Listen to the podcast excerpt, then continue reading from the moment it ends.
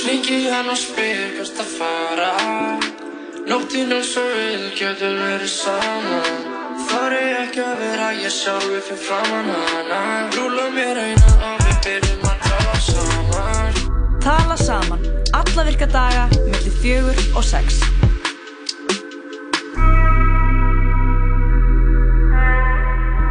Já, kærlustandi, það er 15. dag og tala saman.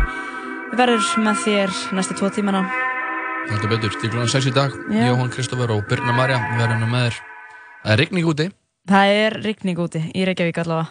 en við látum það ekki stöða okkur Uh, nei, Þátturinn er, er tekin upp inni Við erum ekki úti í rigningunni núna við ákveðum að taka hann upp inni í dag. Já, En það er smá skellur að sjá þessa rigningu, ég verð að viðkjöna það.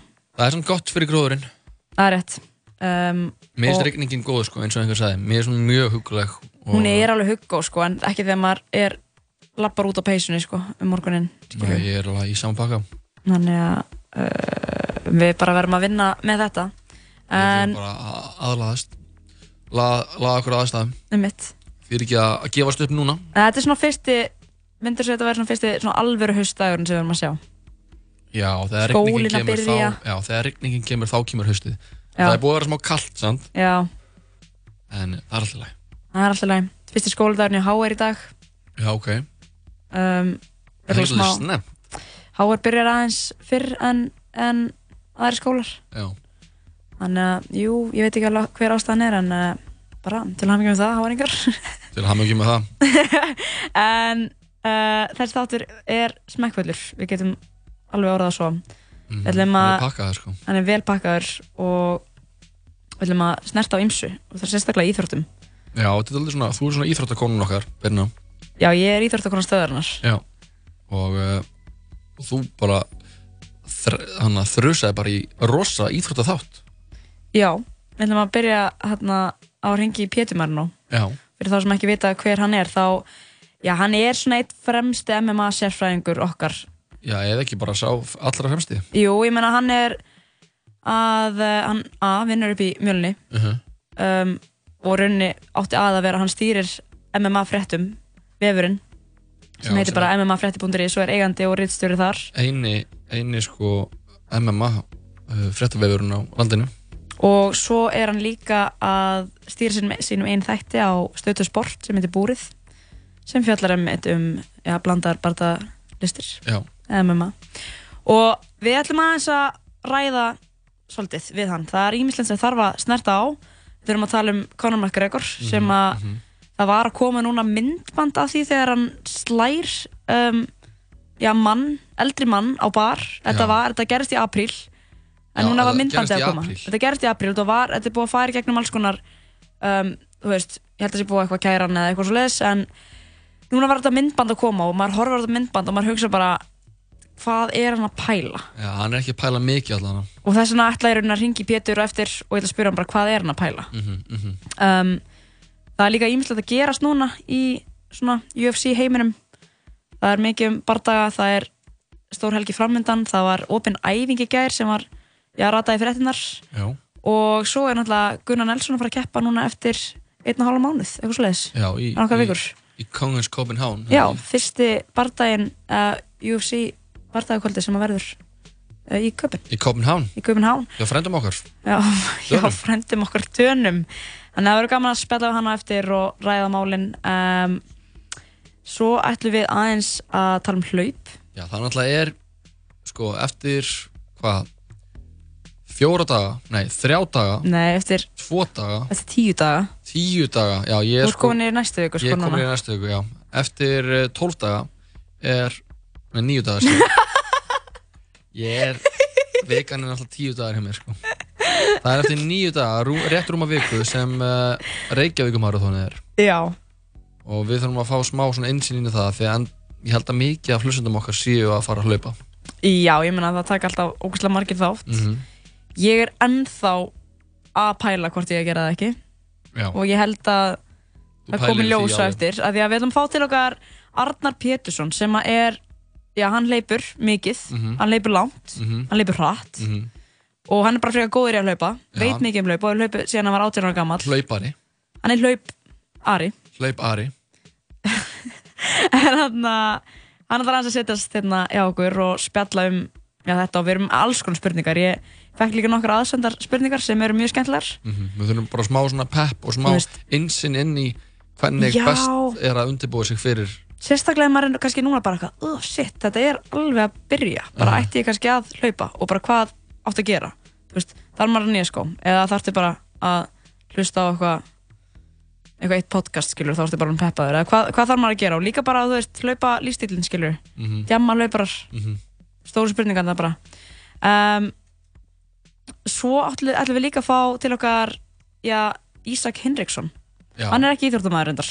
Hann er það ekki. En hann er hann er meistar í að gera listaverk. Hann er sviðslist.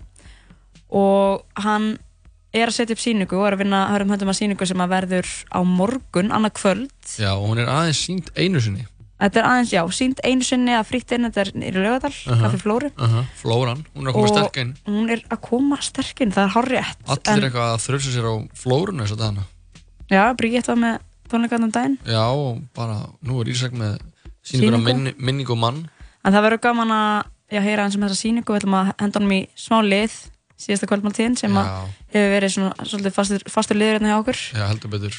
Og Mjög mikilvægur liður. Þetta er mikilvæg liður, fólk þarf að vita hvað það er sem að fólk velur sér að borða ef að þetta væri síðasti dagurinn þeirra, síðasta Og kvöldmáltíðin líka þeirra. bara, fólk þarf aðeins að spyrja sig hvað uh, það sjálft myndi Já, borða. Þú veist, áttu matinn skilið Mhm. eða ertu að refsa þér, skilur, gerur eitthvað ránt maður þarf að setja sér í smá aðstæður en sko, Það er uh, fimmtagur það er fimmtudagur um mitt, ég ætla að fara að koma að því, það er fimmtudagur í dag og þessi vika er búin að sko líða svo hratt. Já, en ég er búin að býja spennt eftir þessum degi af því að á fimmtudagum þá spilum við þróbaktólist já, og spilum tónlist frá uh, Já, við byrjum að spila tónlist frá árinu 2000 Mhm. fyrir sex vikum og erum að taka uh, fara fram um eitt ár svona koll á kolli núna síðustu vikur síðustu sex vikur Mhm. og erum uh, árinu 2006 í dag. Sem er brilljant ár. Já, það er mikið af skemmtilegri músík. Ekki bara því að það er svo mikið af sko alltaf hún, uh, hann uh, Justin Timberlake gáði sína fyrstu blödu, mm -hmm. sólblötuna Futures, nei, nei, nei, aðra blödu segi ég. Justified var fyrsta, síðan kom Fu- Future Sex Love Sound sem var svona, hún var daldið að eins og ég segja, ennsku pushing the envelope í uh, prodúseringu á músík. Og það var hann prodúserinn Timbaland með mjög sterkan presens. Mikið af svona sterkri poptónlist en líka mjög mikið af góðri indie-músík sem ég ætla að hafa líka svona smá viðvarandi í dag. Um, það er svoleiðis. Já, það er þannig. Að þegar það er rigning og þegar það er rigning þá hlusta maður smá á, indie, það er enda rétt. sko. það er algjört mood. Það er Ah. algjört mood. En við ætlum sérst bara að spila tónlist frá hann 2006 í dag. Já. það er svoleiðis. Mér finnst svo gaman að hlusta á svona, að setja sér eitthvað svona þema. Já, það er þægilegra sko. Já, og líka mynd bara þetta eina ár það er samt sko við gætum byrjað svo aftur upp á nýtt. Já, já, því það algjörlega er sko. nóga lögum eftir á þessum árum sem við höfum farið í gegnum sko. Já, kannski fyrir við næst til 90 og hlustum frá 90 til 2000 já, 90, 91, 92 ég væri, til, að fara bara til 60 Já, þá er þetta alltaf svona ég, ég get alveg smá- þannig sko. Já, en erum við ætlum að meira- 2006 núna. Já, 2006 og þá fær maður líka smá, þú veist, kýll maður fær svona, mm, ég man eftir þessu. Mm Fattur, smá svona, Throwback. lítið throwback. Lítið throwback. Og uh, ég ætla að byrja þáttinn á einu, eins og ég sagði, einu indie-lagi Mhm. eitt gott indie. Og uh, það er svona smá gullmóli gullkort sig þetta lag. Að það var notað í er okkar helsti poppar í dag hann notaði þetta lag, svona samplaði það á, uh, ég held að það sé bara gaman að lefa fólki að, gíska á það, að komast að því sjálft, ég ætla ekki að spóla þetta er hljómsveitin Beach House og lagið heitir Master of None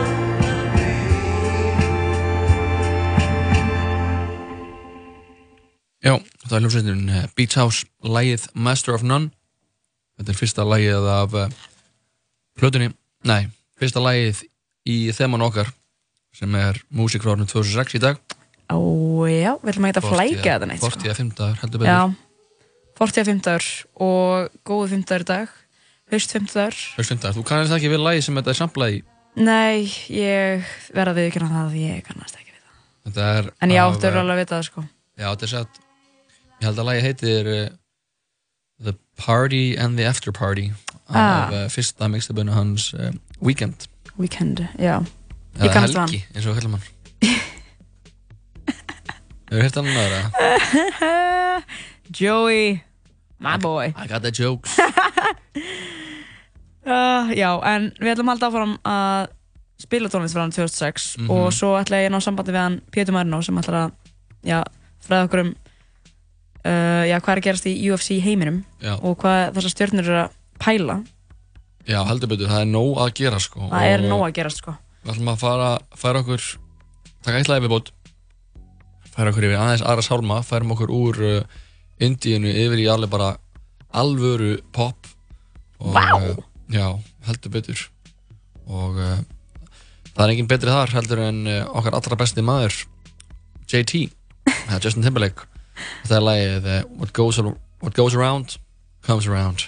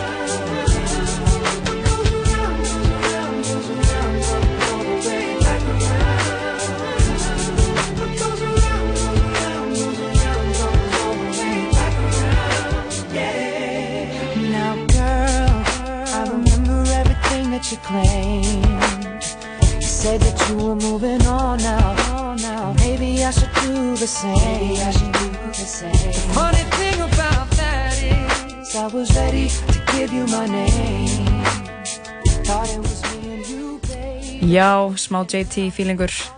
Það frá hann 2006 en uh, við erum með já, góða mann á línunni.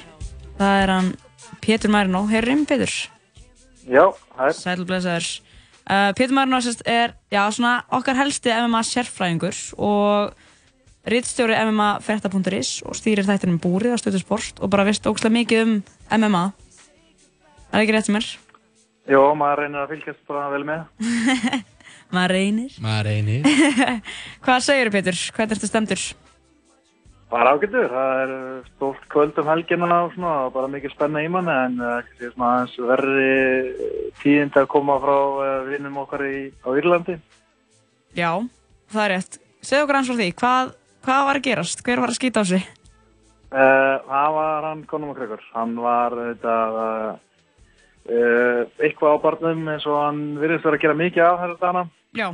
og uh, þar sem hann var auðvitað hann var að gefa einhverjum mönnum uh, viskið sitt, svona Proper 12 viskið sem hann er búin að vera að fara með út um allt eitthvað. Og þetta var bara miðin laugardegi, svona halv þrjú og hérna er að gefa mönnum smá uh, viskisópa það er einn maður sem bara neytar að drekka þetta. Og skilar skilar glasan sem hann fekk tvisvar og, og konna var eitthvað reyðuð það og kýldi hann bara eins eðlilegt og það er Einmitt. Hann er náttúrulega A-klassa psycho. Já, já, já, já. klassa menn sem gera svona Já.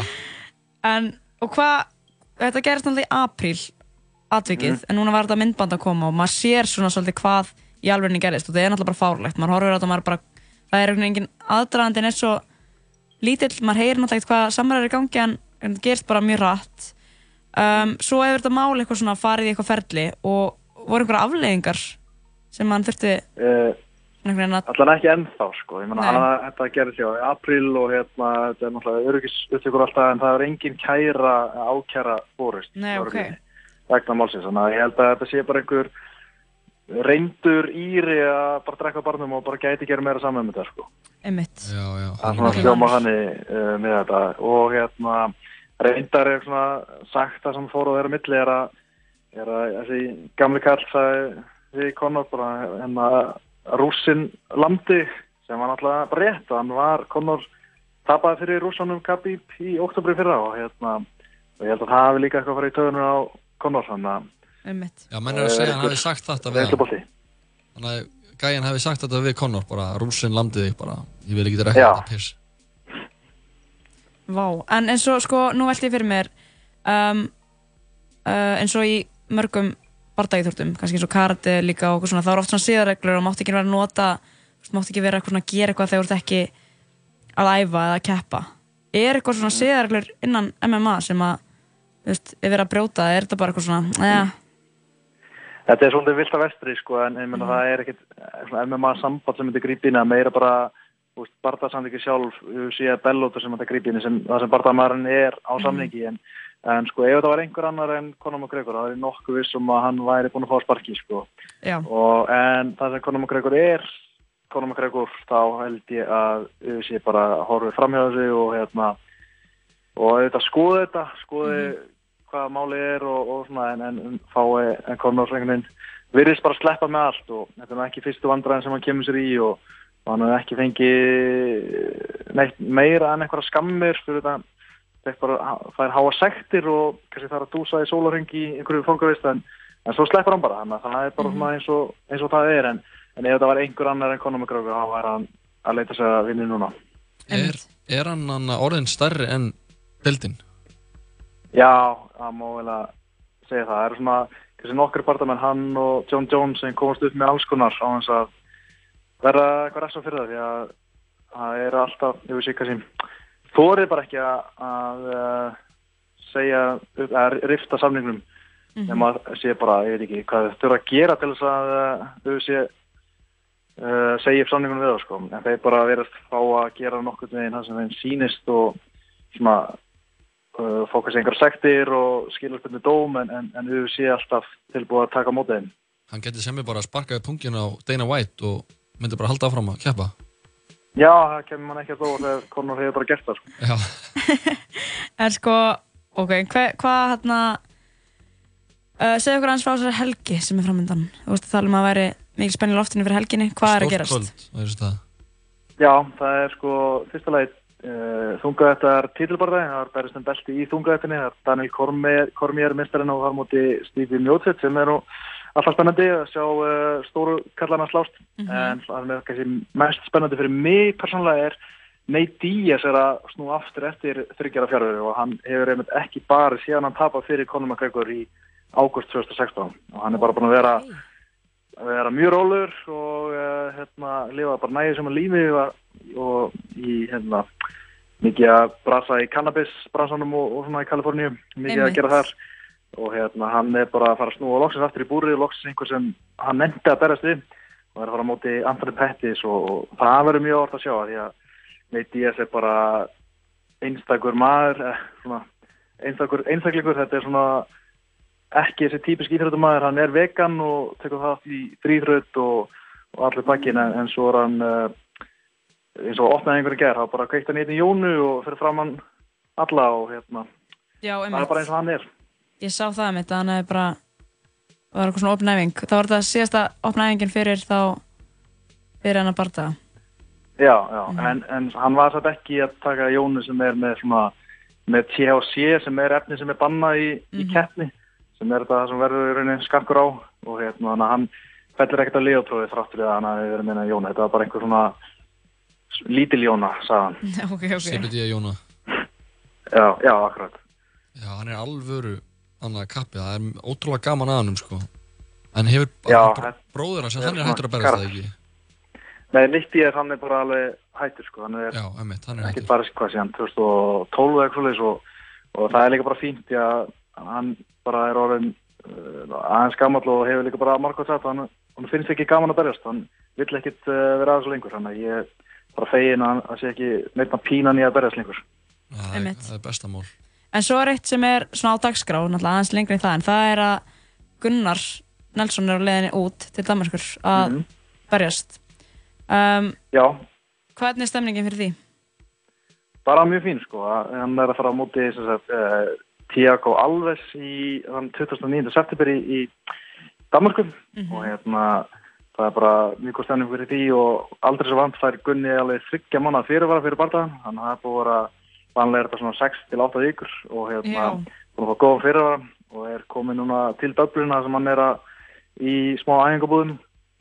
Og bara undirbúið sig að miklu krafti en þessi gæi er algjör reynslubolti og er enn 35 ára gammal og búin að vera í UFC síðan árið 2005 það er, örugglega- það er áður en Gunni að byrja að berjast í MMA hann er búin að vera mjög lengi og búin að berjast fullt af barðum og, hérna, og hefur séð allt þannig að hann veit hvað hann að gera en, en, en hérna, þetta er ætti að vera barðaði sem uh, Gunni á að vinna ég trúi að gera Ég er mjög spennt.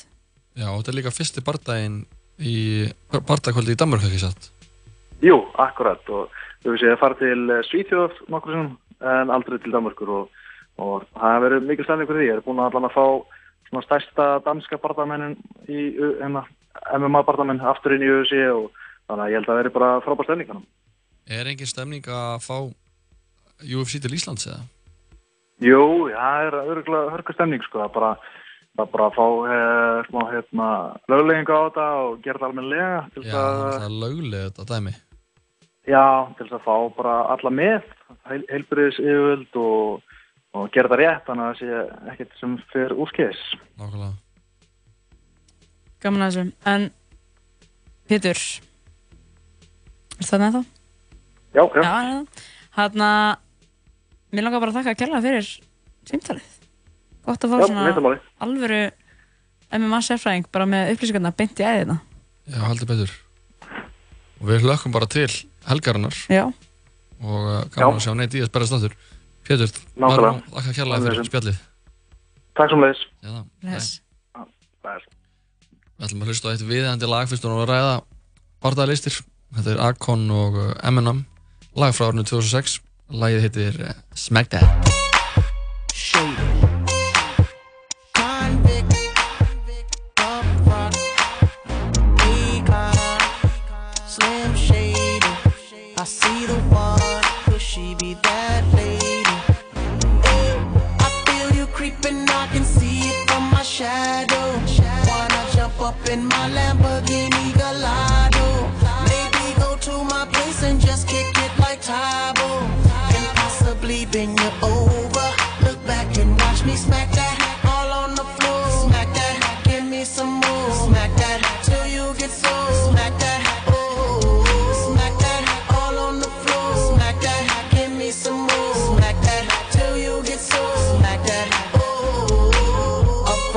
ready to attack now. Pulling the parking lot slow with the lockdown. Convicts got the whole thing packed now. Step in the club, the wardrobe intact now.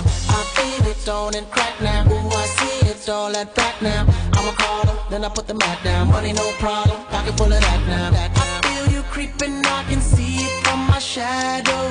Wanna jump up in my Lamborghini Gallardo? Maybe go to my place and just kick it like Tybo. And possibly bend you over smack that all on the floor. Smack that, give me some more. Smack that till you get sore. Smack that, oh. Smack that all on the floor. Smack that, give me some more. Smack that till you get sore. Smack that, oh. Oh, looks like another club banger. They better hang on when they throw this thing on. Get a little drink on, they gon' flip for the sake on shit. You can bank on it. Pedicure, manicure, kitty cat claws. The way she climbs on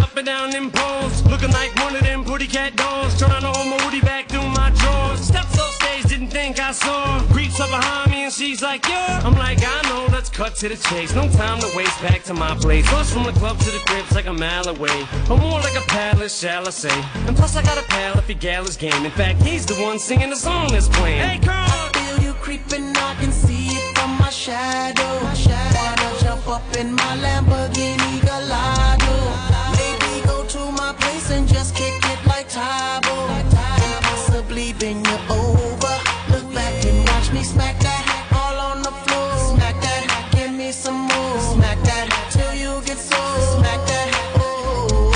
Smack that all on the floor. Smack that, give me some more. Smack that till you get sore. Smack that, oh. Eminem's rolling, D rolling, boo oh marvelous them rolling. Women just holding, big booty rolling. Soon I'll be all in them and throwing. Hitting no less than three. Block real style like we. Girl, I can tell you want me, cause lately I feel you creeping, I can see it from my shadow. Wanna jump up in my Lamborghini Gallardo. Maybe go to my place and just kick it like Tybo. And possibly bend you over. Look back and watch me smack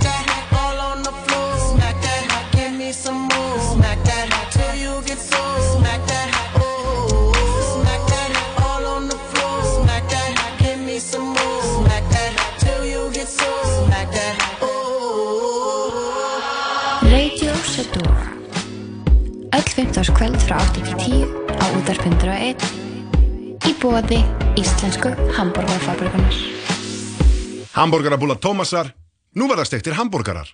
Hamburgerabúla Tómasar. 101 Festival í Orgohöllinni 31. ágúst. Framkoma GTRN, Auður, 101 Boys, Gróa, Vök, Flóni, Byrnir, Konfekt, Hjaltalín og DJ Yamaha. Nældu yfir miða á 101 Festival á tix.is. Sjáumst á dansskólinu. Here I come. Níunda kvikmynd Quentin Tarantino Leonardo DiCaprio I'm Rick Dalton Brad Pitt Here comes trouble Charlie's gonna dig you Once Upon a Time in Hollywood Komin í bíó Útvarp 101 Já, þannig heyrðu við í þeim Akon og uh, Eminem lagið Smack That músík frá árinu 2006 á þessum 40. að 50. höldum hér áfram að fá til eitthvað góða gesti Að tala um góð gæsti. Já, og tala um góða hann Og tala um íþróttir, please, tölum meira um íþróttir. Um að við ætlum að, já, fara í aðeins aðra átt en MMA og fara í hlaupið. Af Því að hér situr Arnar Pétursson, hérna mótið mér, hlaupari, okkar helsti hlaupagarfur. Já, takk fyrir að fá mig í spjall. Hvað Alltaf gaman að gott? Er ekki MMA og hlaup, þetta er náttúrulega, er er nátengt. sama. Já, já, já. Þetta er nátengt, sko. Það er hérna, höggin sem er að koma þannig að það er vinstri, sko.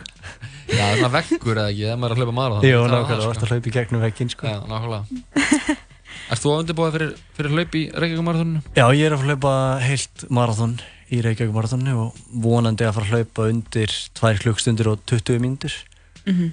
og það er bara, já, allt búið að ganga eins vel og hægt er að byggja um, sko. Þannig að þetta verður bara spennandi.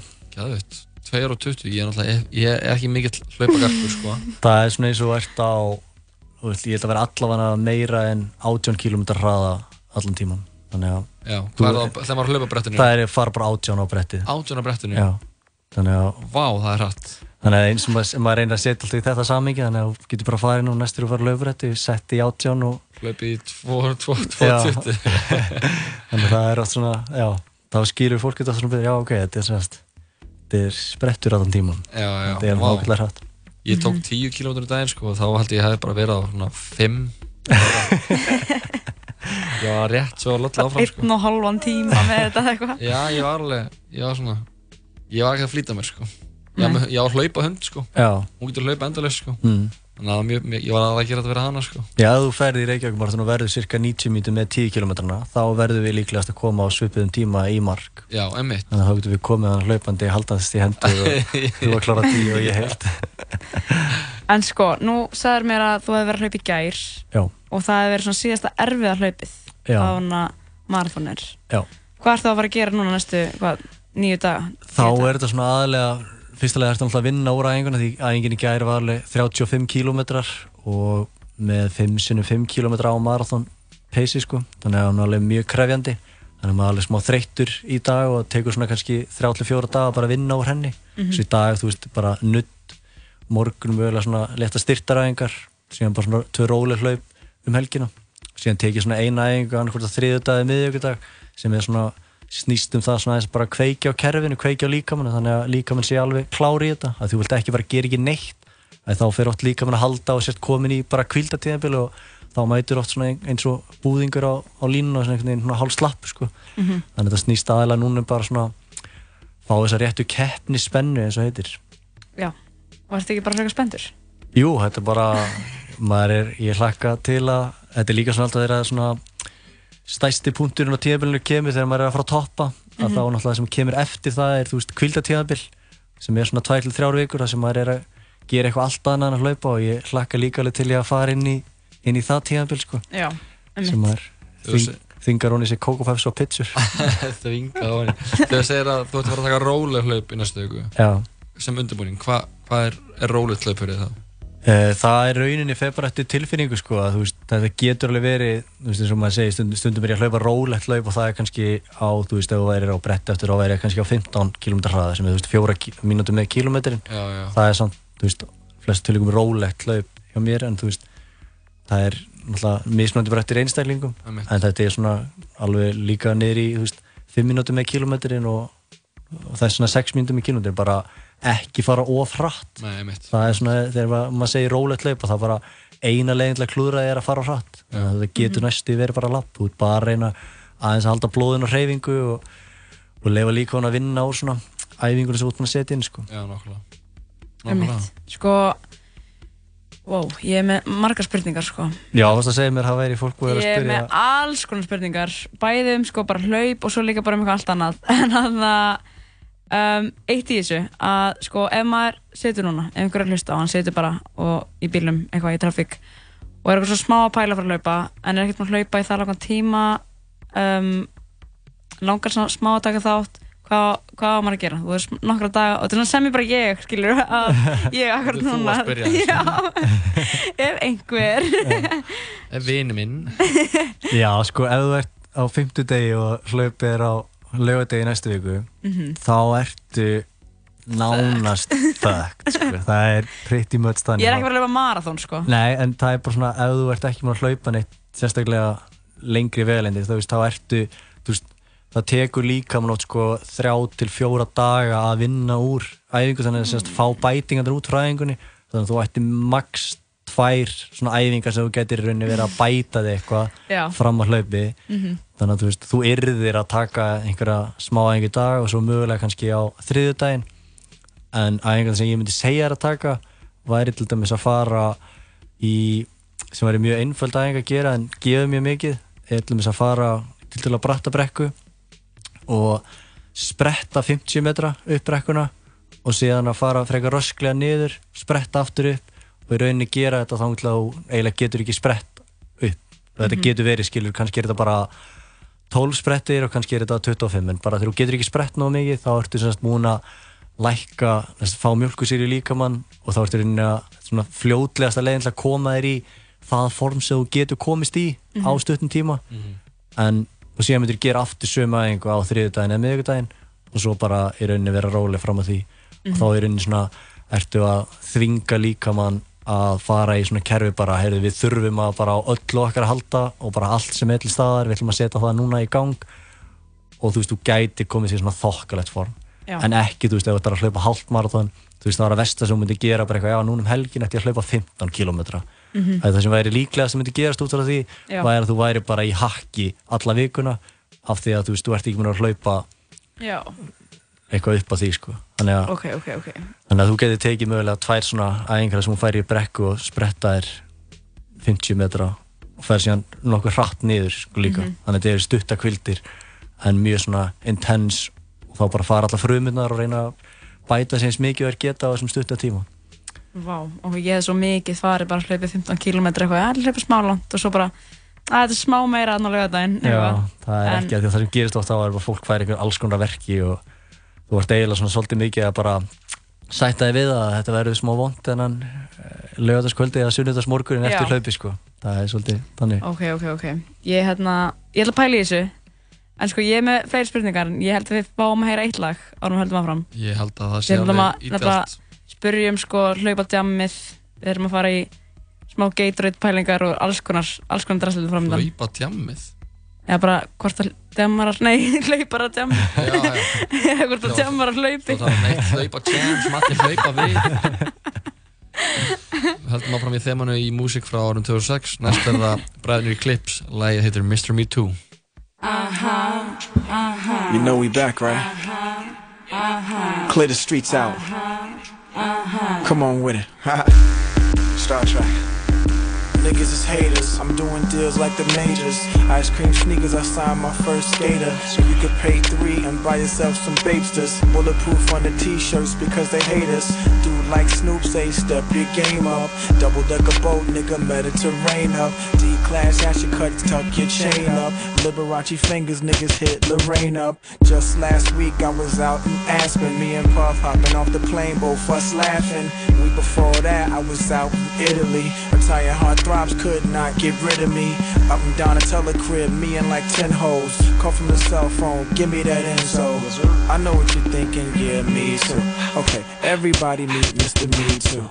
Been two years like I was paddy wagon cruising. Streets was yours, your dunce capping and kazooing. I was just assuming you keep the coke moving, but I got one question. Fuck y'all been doing? Pyrex stirs turned into Cavalli furs. The full length cat when I waved the kitty purrs. All my niggas caked up, selling gray and beige dust. Had that money right or end up in the trunk taped up.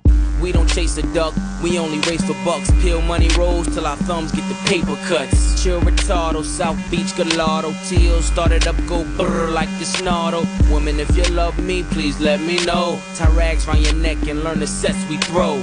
These are the days of our lives, and I'm sorry to the fans, but them crackers won't play a fair job. I know, I know, yep, yeah, you too. Okay, we get it, yep, yeah, you too. I know, I know, yep, yeah, you too. Okay, everybody meet Mr. Me Too. I know, I know, yep, yeah, you too. Okay, we get it, yep, yeah, you too. I know, I know, yep, yeah, you too. Okay, everybody meet Mr. Me Too. I know what you're thinking, why I call you me too. Cause everything I say I got, you say me too. I say I got a Benz, and you say me too. You hanging out the window so they could see you. But you ain't hanging out the window when you in that G2. Or that G3 or G4 like we do. Come on. Wanna know the time, better clock us. Niggas bite the style from the shoes to the watches. We cloud hoppers, tailor suits like we mobsters. Break down keys and the dimes and sell them like gobstoppers. Who gon' stop us? Not a goddamn one of ya. Mean with the re-up, nigga, we street tumblers. Ivory white, yeah, that's the same color of a Zord, nigga. Best believe it's the Mulliner. Take no prisoners. Rap niggas are whisperers. Choke on your own spit just as soon as you mention us. Champagne corks is kicked by Louis Sportson. Keep my hoes in Pooch and Charles Jordan. Copy chrome and touchscreen component. Mink on the floor, make you hot, don't it? You don't wanna know what the fuck I spent on it. Tomorrow ain't promised, so we live for the moment. I know, I know, yep, yeah, you too. Okay, we get it, yep, yeah, you too. I know, I know, yep, yeah, you too. Okay, everybody meet Mr. Me Too. I know, I know, yep, yeah, you too. Okay, we get it, yep, yeah, you too. I know, I know, yep, yeah, you too. Okay, everybody meet Mr. Me Too.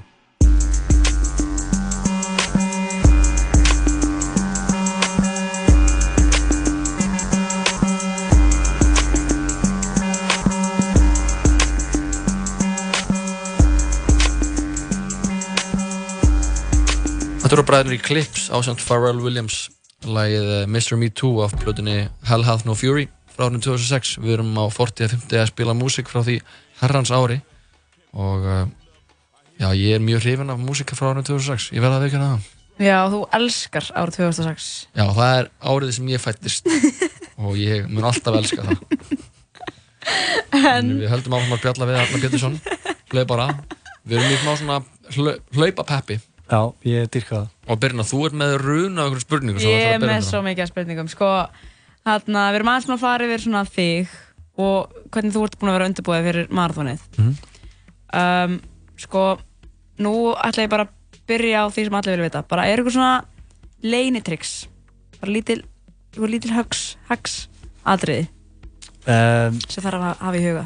Já, það eru reyndar alveg svona Það er nokkur. Það eru nokkur og ég er er einmitt að skrifa eða búinn að skrifa bók sem Oh að mun koma út um jólin. Það heitir einmitt hlaupa bókin bara. Og, og verður með öllum uh, triksum sem þú getur fundið og pælt í og, og dottið í hugvarandi hlaup. En það eru alls konar, þú veist, það er til dæmis að ég myndi segja í hlaupinu sjálfu að því að hlaup geta verið svo ótrúlega andleg Mhm. að það eru nokkri hluti sem þú getur gert til þess að gera í rauninni hlaupið auðveldara fyrir þig svona andlega. Og, og það eru hérna til dæmis að, að velja þér einhvern í hlaupinu sem þú ætlar að vinna.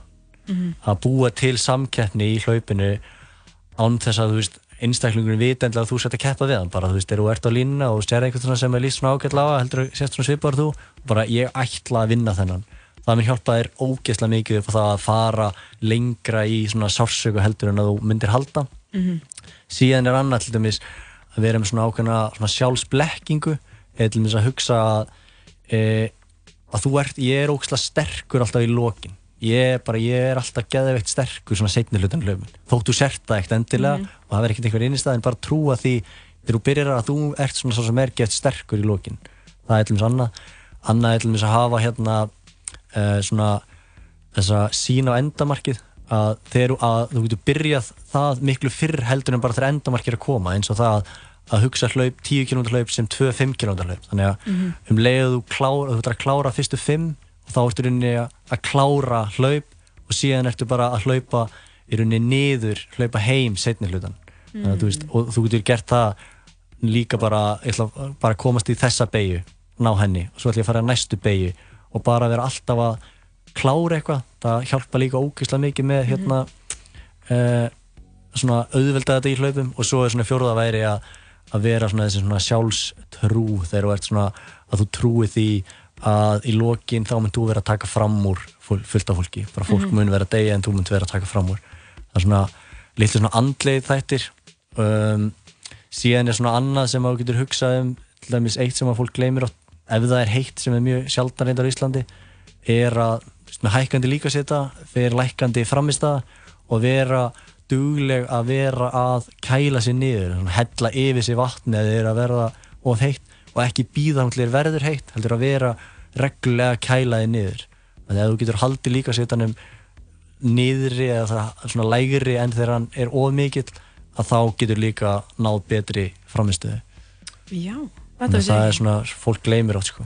Þetta er svona mest megnis er þetta bara leiðið til þess að trykka hausinn Já. og síðan er þetta að halda sér Já. bara cool það voru, veist, það voru gerar veist, rannsóknir á því hérna þegar uh, setur heimsmet í 5.000 metrum og 10.000 metrum Aha. þá er oft skilur seinustu kílómetrin þeir hröðustu þú myndir halda þeir ættu kannski vera hægastir af því þá er mesta mjölkusýran komin í líka Já, þú veist, þú þreyttastur Já. en okkur getur þá hlaupið hraðar þá og, og stór hluti af því er að það er ekki bara mjölkusýran og mjölkusýran er bara það sem að myndast er að þú hlaupir hratt að þið finnur svona lappin að vera þingri Einmitt. að þú veist það eru andlegir þættir sem eru að halda miklu meira aftur á okkur Aha. og til dæmis tónlist er eitthvað sem hefur sínt bara fram á að getur hækka sársöka þröskuldin Mhm. þannig að vera með tónlist getur hjálpa að hlaupa hraðar eða reyna meira á þig Já, já. af því að þetta eru svona veist, and, alls konar andlegir þættir sem eru að halda aftur á okkur oft og tíðum Mhm. Hvað ert þú að, hvað ertu með í eyrunum þegar þú ert að hlaupa? uh, ég er reyndar ma- þú veist, tæknilega sé máttu ekki hlaupa með tónlist Mm. ef þú ætlar að vera í hörðustu reglum sko, ef þú ert að keppa á olimpíuleikum með heimsastamótum þá máttu ekki vera með tónlist sko. en ég hlusta eiginlega svona allt milli heimins og jarða sko. Mhm. hérna félagi minn Dr. Viktor er hérna núna kom með gott lag í spilin sem ég hlusta mikið á og, og síðan bara þú veist reyni ég meira að hlusta á sko rólegri lög heldur en hérna peppari lög því að fólk fer oft overboard þegar það er að hlusta á eitthvað brjála tekno og Mhm. keiri sér áfram í staðin fyrir ég er svo Enya James Blunt, Mhm. það er svona ofta á mínum playlista sko, Já. það er mjög fínt sko Gekkja, vá, það er ekki hægt að hlaupa við enni sko. það er bara í sóni sko, svona slakur, svona líður um göturnar og Já. það er mjög næ sko Alright, sko um, ég held að munum flest eftir því þegar að hérna, okkar allar besti Snorri Björns kláraði eitthvað hlaup um daginn og var bara eitthvað rústaði sér eftir eitthvað langhlaup veist, ég veit að það, kannski ekkit, það var ekkert venilegt hlaup sko. en þú veist, af hverju er maður að rústa líkamannum sínum svona mikið þegar maður er að hlaupa svona langt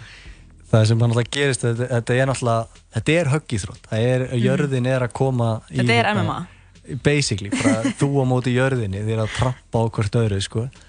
þannig að þú veist, þið, og það sem gerist eins og að þú ert á svona þokkalir ákefð og þegar þú byrjar að fara yfir tvo tíma á þessar svona ágættir ákefð ágættir hraða, eftir hvernig þú hlýta á þetta þá hérna, þá byrjar sérst vöðva niðurbróti í líkavanum að vaksa með stigvaksandi hætti. Mhm. og þannig að þeir eins og hann var að hlaupa lögvegin á rétt undir á fjórum tímum og 57 mjöndum held ég, helviti gott. Það með fínan þjálfara.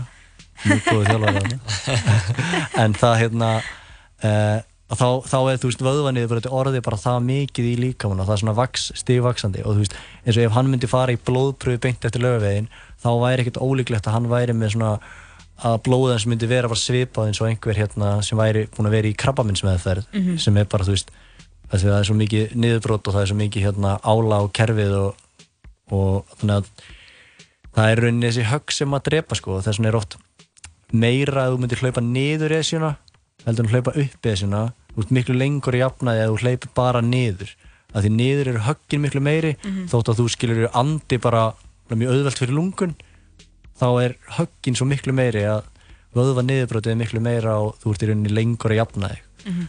þannig að ef þú myndir hlaupa 10 km upp þá eru kannski bara 2 dag að jafna þig en ef þú myndir hlaupa 10 km niður getur það verið sko 2 vikur að jafna þig þess vegna sko hvað þetta er merkilegt. Það þarf að passa þessi niðurhlaup mikið sko. Það Já. er höggin sem drepa ekki hérna ákveðin. Þú veist, þú getur fara að hjóla og hjóla ógeðslega hratt af mikil ákveð en ert til dæla snöggur að jafna þig. Mhm. en ef þú myndir gera það með höggunum sem eru í hlaupunum þá ertu miklu lengur að jafna það því að þessi högg þá kemur þetta vöðva niðurbrot. Ég held að þetta gleymist oft sko. Að maður sé að fá högg. Já, það er, og þess vegna vill maður allmis forðast malbyggi eins og ég geti það, því að malbyggið, það er, þetta er bara eins og henda golkúlu, eða þú hendir golkúlu í malbygg og neglist hún beint upp, en ef þú gerir það á grasi þá náttúrulega fyrir hún miklu, miklu minna Já. og það er bara samlíking fyrir það sem gerist fyrir liðina og, og Mhm. beinin líka og þú vilt náttúrulega passa það að það er að vera sem minnst högg sem mögulegt er að því að þá eru minni líkur á að fá einhver álagsmiðsli og eitthvað. En fólk sem hleypur á tánum, Já, það er, er það eitthvað betra? Þú veist, þú þú svona... ferð náttúrulega í betri hlaupastíl Já. ég er að hlaupa mikið á berfættur en þá ger ég alltaf á grasi Já, já, já. en það er svona það er alveg, það er alveg hægt að hlaupa á malbyggi sko. Mhm. en ég reyni að bara forðast malbyggi eins mikið og maður mögulega getur sko. ef ég er að hlaupa segjum suma vikur, þá hlaupi ég 180 km viku þá eru kannski bara 30 km á malbyggi Ok. og það er magnaði þegar ég heyri kannski einhvern sem er að hlaupa bara 30-40 km viku og hlaupir allt á malbyggi það meikar ekki alveg sens að ég og hann séum að hlaupa jafn mikið á malbyggi kílometra sko Nei, nei, þannig að þú veist, við þurfum að passa að þetta reyna að forðast malbyggi eins og við getum sko. Hvað ert að hlaupa þá? Þú ert ekki að hlaupa svona... uh, þú veist, ég reynir að hlaupa mikið í heiðmörk síðan hlaupa maður, þú veist, ef maður hlaupa grasi þú veist, þá er oft bara þessir fótboltavellir Já, þú veist, það er lágætlega stórir svona ringi sem maður getur að hlaupa þar og síðan bara fara alltaf út á grasi við hliðin á malbygginu ef það er mögulega hægt Já, það er hægt. Já, það alveg skiptir bara hvert, þú veist, skref skiptir alveg máli Mhm. þannig að reyna að vera bara sem mest þú veist, það er hægt að hlaupa mikið á grasi bara fram, með frá sæbröðinni það er gras þar að vera þá á grasinu þú getur það. Og ég segi alltaf sko að fólk að þið mæti einhverju sem er á grasinu þá viti að þarna er svona alvöru hlaupari sko. Þannig að þið til að ef þið viljið feika að vera alvöru hlaupara Já, að að gera þá sko. farið á grasi og allir bara, já, heyri þessi, hann er að passa upp á hann og, já, já, ég, þetta er gott fyrir lúkið sko. Þú veist, þegar maður er ekkert eins, og ég og Jóhann við erum ekkert eitthvað það góð laupara núna. Nei, og mér er alltaf lukkuður bara á tánum og græsinu. já. en ok, sko, þá er alltaf aðra pælingar um, ef maður er hlaupari, má maður djamma? nei, næsta spurning Ömurleg spurning Uh, já, algjörlega, það er bara, þú veist, það er að gera Það það má maður djamma. Djammar þú? Á, í, já, það alveg kemur fyrir. Sérstaklega það sem að, þú ert að gera, þú ert að gera bara á réttum tímapunktum, bara eins og með allar íþróttir, þó að þetta telji oft miklu meira hjá hlaupurum heldur en hjá mörgum öðrum, Mhm. að það er allir já, algengar allir að kúluvarparar séu að djamma meira yfir tíðabili heldur en langklauparar Mhm. af því að hérna, þú finnur það alveg það finna allir að þú ferð jammar á laugadegi og ætlar að hlaupa á sunnudegi þér líður ekki nýtt frábælega vel sko. þú finnur allt svona bara hvert prósent skiptir svo miklu máli þannig að ég reyna að geima þetta svona mest þangað til yfir kvilda tíðanbili sem eru svona 2-3 vikur þannig að maður, maður bara tekur alla dagana. Já, en ég hlakka til að, að eftir Reykjavík marathoni þá er maður með gott svigrum og Taka bara sjö daga vakt Já, og ég, og ég, ég tek nefnilega sko kvildatíðanum alveg jafn alvarlega og ég tek sko hérna já. að það er, þú veist ef það er föstudagur og það er ekkert að gerast hjá neinum þá bara þá finn ég mér eitthvað að gera ég bara, hefði, það er, ég er í kvildatíðanbili hérna Já. Og þú ert að fara að koma og við erum að fara og gera eitthvað Já. það er bara Borða kókupöf Já, þú veist, þú verður bara, verður að líta að þetta er, þetta er hérna, þetta er mission sem þú þarfst að hendi því að það er að fara að detta síðan aftur inn í annars tíðanbíl og þá ertu ekki að vera að tjá með það mikið þannig að Mhm. þetta nýta þegar þú getur nýta sko. Einmitt. Ég er bara að stið þetta Ég er er alveg lungu kvildatímbili sko. Alltaf er hann að fá okkur til að koma mér í það En svona að lókum, hérna, myndir segja að vera að hlaupa frá vandamálunum, vandamálunum þínum. Já, ég hleyp frá vandamálunum og dansa til að gleyma og Og allt þetta. já, það Nei, er, þú veist, þess vegna hleypir svona hratt Já, já, já. Svona ræðileg skrimsli á bakinu bara Ef ég stoppa þá bara Það er þetta búið. Það er pretty much þannig sko. En ok, um, þannig að þú ert að fara að hlaupa núna, Reykjavík marathonið. Já, Uh, markmiðið var undir 2.20, right? allavega undir er 2.20 það er svona vonandi að vera undir 2.18 mögulega Íslandsmetið er 2.17.12 en það þurfti að vera kannski fullkonar aðstæðu til að það gerist. Mhm. en bara sjá til og síðan líka bara hérna ég til að sjá alla sem maður er að búin að vera að gera að ég er að gera hlaupaprógram og þjálfa fólk og það er líka svona álíka skemmtilegt að sjá þegar aðrir er að ná Mhm. árangri og ekki bara hérna maður sjálfur þannig að það er gaman að svona miðla til annara hvernig svona getur hlaupið rétt og að það eru til betri leiðir til að ná góðum hlaupárangri sem eru einfaldur og auðveldur heldur en fólk heldur sko. Einmitt. Og, og hérna, svona smá plögg. Þannig að þessar leiðir þarf að verða allar í bókinniðinni. Það verða allar leiðir í, í bókinni þannig að ef þú lest hlaupabókina master hana þú veist það sem ég er hrættastu við skilur er að ég gefa þessa bók og allir byrja að fatta öll lindamálin og síðan þegar ég tala við ykkur eftir næst, á næsta ári þá er ég orðin bara svona 20. besti hlaupar Já, einmitt. Og við, ég við Jóhann orðin best. Já, við erum best, allt triksin í bókinni bara á tánum græsinu Nákvæmlega. En hérna, Arnar, takk hérlega fyrir að koma. bara takk fyrir að fá mig, gaman að koma Gangið vel. Takk fyrir það. Og öllum þínum uh, ha, sem að nefndum Já, já? Skjólstæðingum Skjólstæðingum Ég veit það ekki. Endar spjallið við Arnar á einu góðu af uh, Röðunni Fiskgeil með uh, honum Ghostface Killa. Kom út árið 2006 höldum okkur við uh, 40 að 5 dags þema. Þetta er lagið The 9 Milli Bros. Bob Digi, U-G-O-D, Raekwon the chef, the inspector deck, M-E-T-H-O-D, the B-O-B-B, straight up, master killer, the jizzer, the genius. It's the old, the, the, the, the, the, the, the dirty bastard. One, two, one, two. Killer Turn it up, the headphone. Turn it up. Yo, you hear me? Yeah. What up, Tony? What's up, Don Don? All the way up. Now we get this paper together. That's all it goes. Motherfucker, All right, what's up, y'all. y'all? Uh-huh. Do it, nigga. You know how I Sorry like it. about to going on some real woo shit. WTC. That's right, you know what I mean? Goes to Make a bullshit hook for y'all niggas. Check it out. The villains in the stash, we the cash. We got females that got it like that. The golden chels that own the crowd. See niggas in the place that fit my style. Well, I'm a singer, dancer, we bulletproof brothers. Wu-Tang got the answer. Cause if I had a chance to do it again, I will still keep the heat in my pants up. Y'all be nice to the crackheads. Everybody listen up. I shot one of my bitches. The whole ain't tricking up. Word like the big screen dawn. Tapping dust phones out with star writers like I fuck Celine Dion. Stuck everything that's the God's on is beyond. We hearing niggas out. That's the type shit that we on. Official Wu Tang headbanger. Flood your space with big waves like it did in Sri Lanka. I drink heavy gallons of crew, play the big part. Niggas got squid on the grill, selling kids club. At Snow's, yo, the guest on with the best post, yellow suede one, matching hat with the gray gun. Niggas be rhyming for nothing. Then my team pull up, roll down. Y'all broke niggas stay front, lines come digital stupid. Plus, ain't got no jury on. Bet I'm still live and I'm cooping. Two of my silverbacks run through a pack of your wolves. Front on you yak, you sipping cognac, blue lax, dude.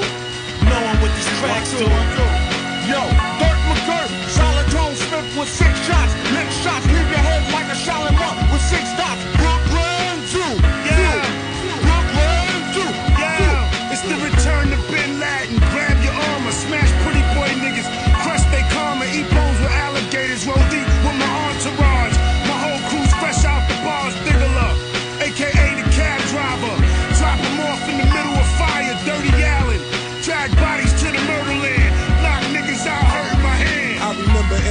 elevator we was playing corners. Now we play the corners and the cops are staying on us. Statins where the war is, where the court system's running out of warrants. Where TNT be jumping out the Taurus. For real, I can't call it. You see, I love Lucy cause she glorious. Exactly like that 10304 is. Snitch nigga, swallow your tongue. Already know that Allen I'm from. And y'all want the problem done. We got a history full of lightning victories, conceptual breakthrough. It ain't no mystery. Long vision from giants in every way. Rap czars, magnificent flows for every day. From the east to the ville, from the west to the hills. Incredible rhymes, and skills. From rap packs, the smallest crews were enormous. We hit them fast with an effortless performance. MCs start fleeing in flocks, especially those that's more sensitive to heat and shock. We grinding down to the bone. My name grounded in stone. I'm Mr. Foulness. We lounging with chrome. Mr. Foulness, we lounging his home. Hit the housing on Rome. Shining like a hundred thousand in stones. Move mountains with poems. Got a Jones for De Niro. 160 my zone. We throwing elbows. The hoes clean. So thin, we know kings. Only dime dice. With minds right, we chose queen. Yeah, we wild like rock stars who smash guitars. Yo, son, split his face with a toast. He ain't ghost. It's no joke. I ain't cold. Rifle with the scope. One toe, brain float. Shot to the dope before the smoke hit. Witness the killing. Chilling crime scene. Body on the block. Eyes open from the shock. I'm being popped in the neck. Yet he's still hella lit. Cigarette between his fingers. Danger when you stepping in the chamber with the master. Disaster. Gotta blast ya, cause I have to. Have to. The rat pack is back from the island stack. Yeah, you cursed us, cause we worship the gat. The first one to snap, drunk off the smear or blow the bounce's ear off. Let them floss, heat the balls, handcuffed to the turntables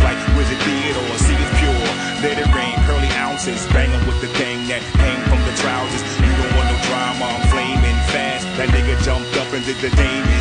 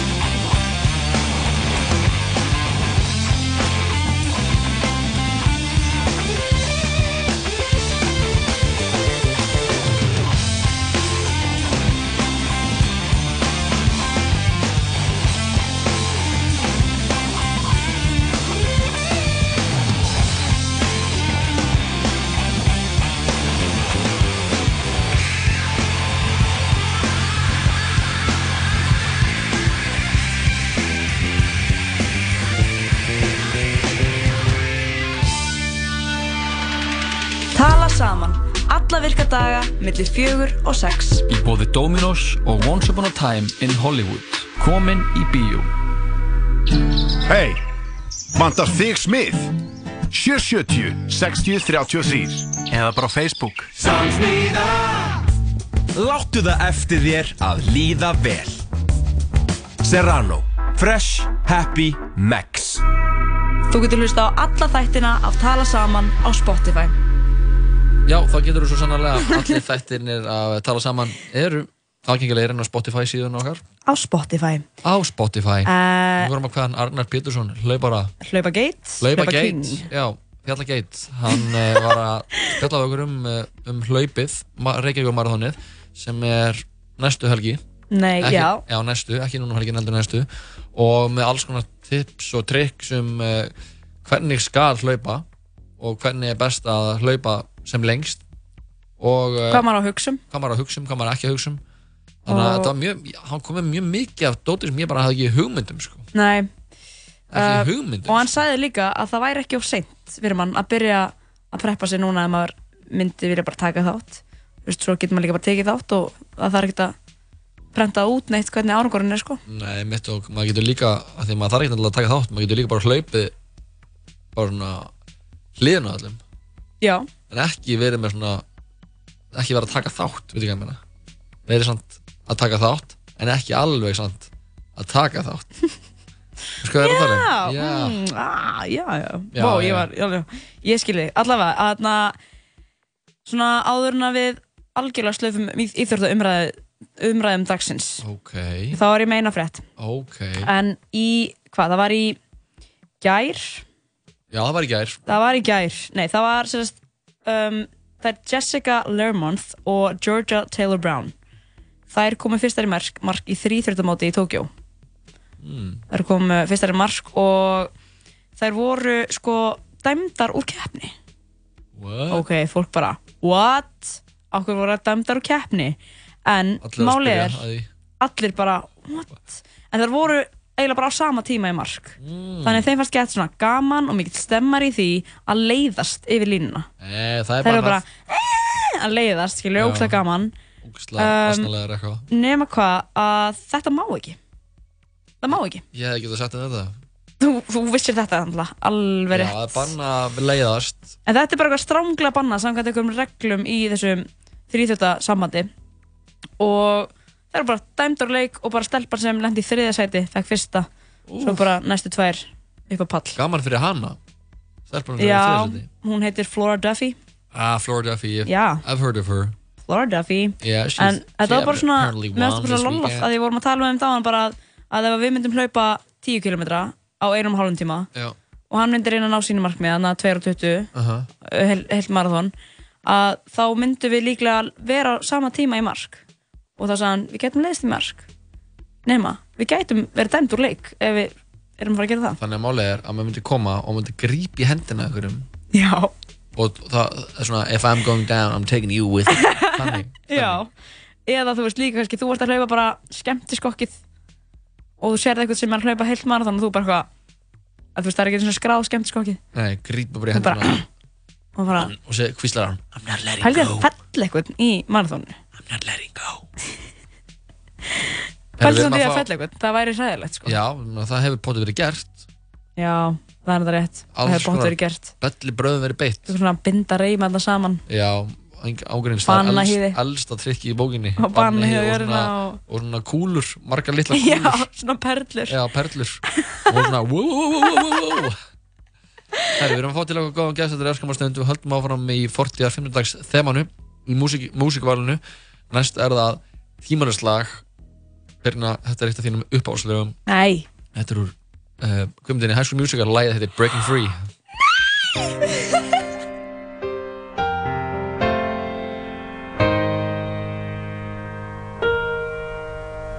We're soaring, flying. There's not a star in heaven that we can't reach. If we're trying, so we're breaking free.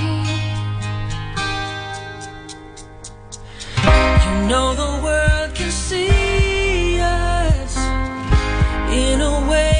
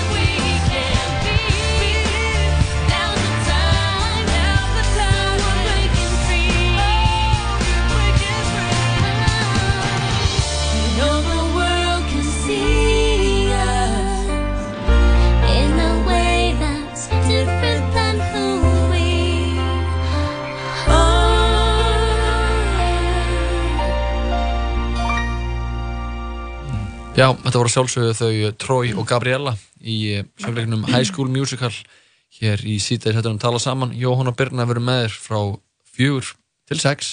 Oh yeah. Og núna þegar klukkuna er uh, vantar 14 mínútur 14 mínútur gengin í 6 þá erum við komið með góðan gest til okkar. Sviðsildamaðurinn, leikarin, þúsundtjálasmiðurinn og góður vinur Ísak Hinriksson, verður velkomin Já, takk fyrir. Hvernig hefur þetta, kæri vinn? Uh, ég hefði bara ljómandi gott Þetta er svona síðustu dagar sumarsins. Jú, jú, haustmannjan Já, haustmannjan er að detta inn maður svona, uh, og kvíðin líka. Kvíði, kvef og haustmannjan Ég tengi svo mikið haust við kvíða sko. Já, bara, já byrja, byrja í skólanum og svona einhvern veginn allt einhvern veginn oh, nú þarf, Já. nú, þú veist, það er maður ekki að leika sér Mér finnst það líka verið svona að rýbranda sig. Maður er svona, jæja, Já. nú ætla ég að verða þessi. Þú veist, Já. ég ætla að hætta að vera í svona fötum. Ég ætla að byrja að vera í svona fötum. Það er eitthvað svona, maður er svona að byrja bara ný við þetta sko. Að, maður mann eftir, alveg eftir í grunnskóla að svona krakkar komu og þeir bara eitthvað varst þú í Flórida? Já maður, bara einhverju nýjum gallega og var bara alltaf í gallega.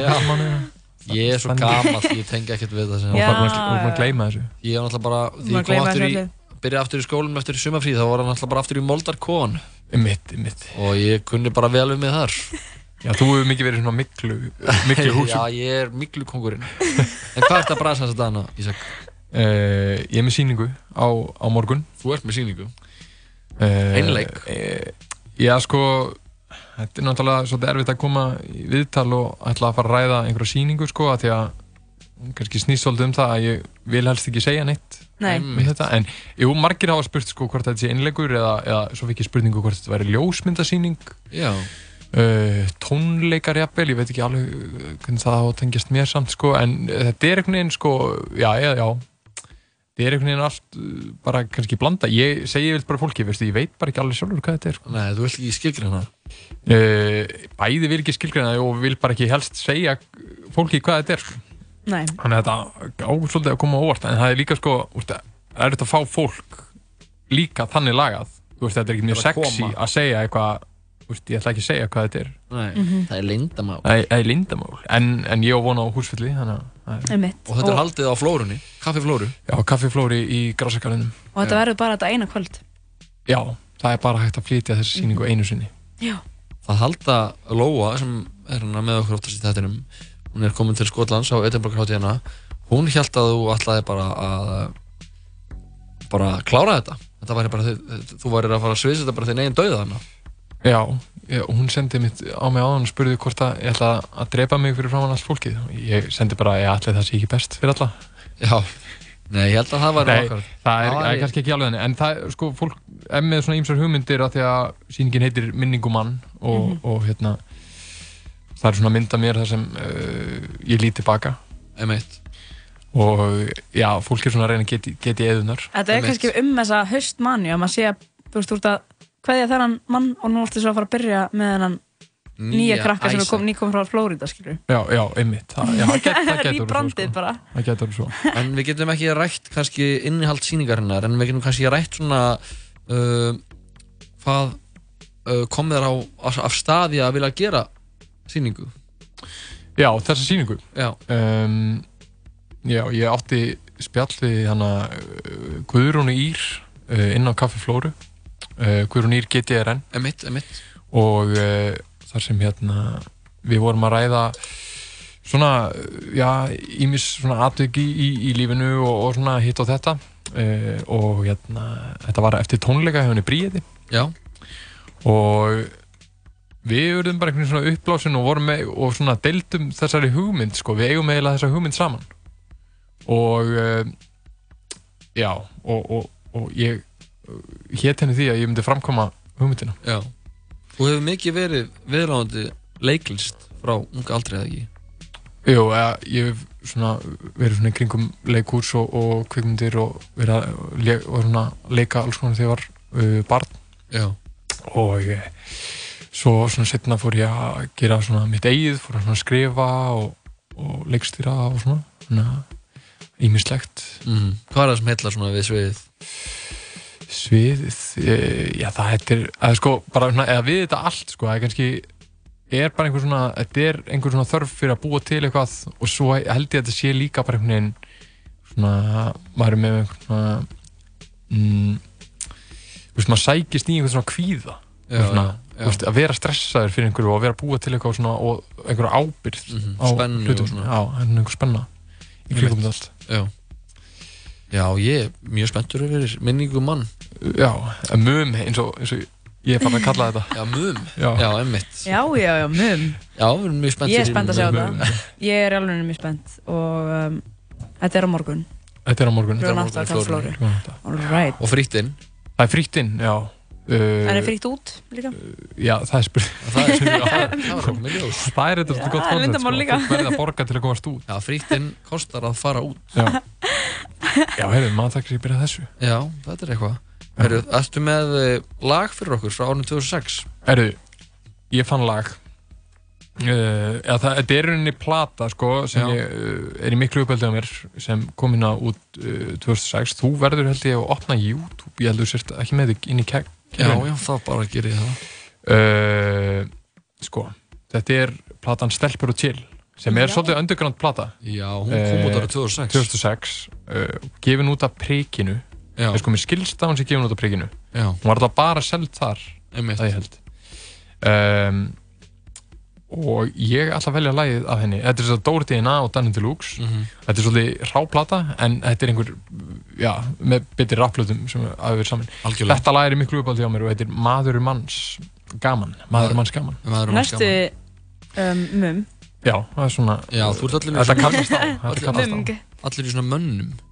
Já. En sko, við ætlum ekki alveg að sleppa þér strax. Ísak, við ætlum að fá að hlusta á þetta lag. Mhm. En svo um, ætlum við að skella þér smá lið sem heitir síðasta kvöldmáltíðin.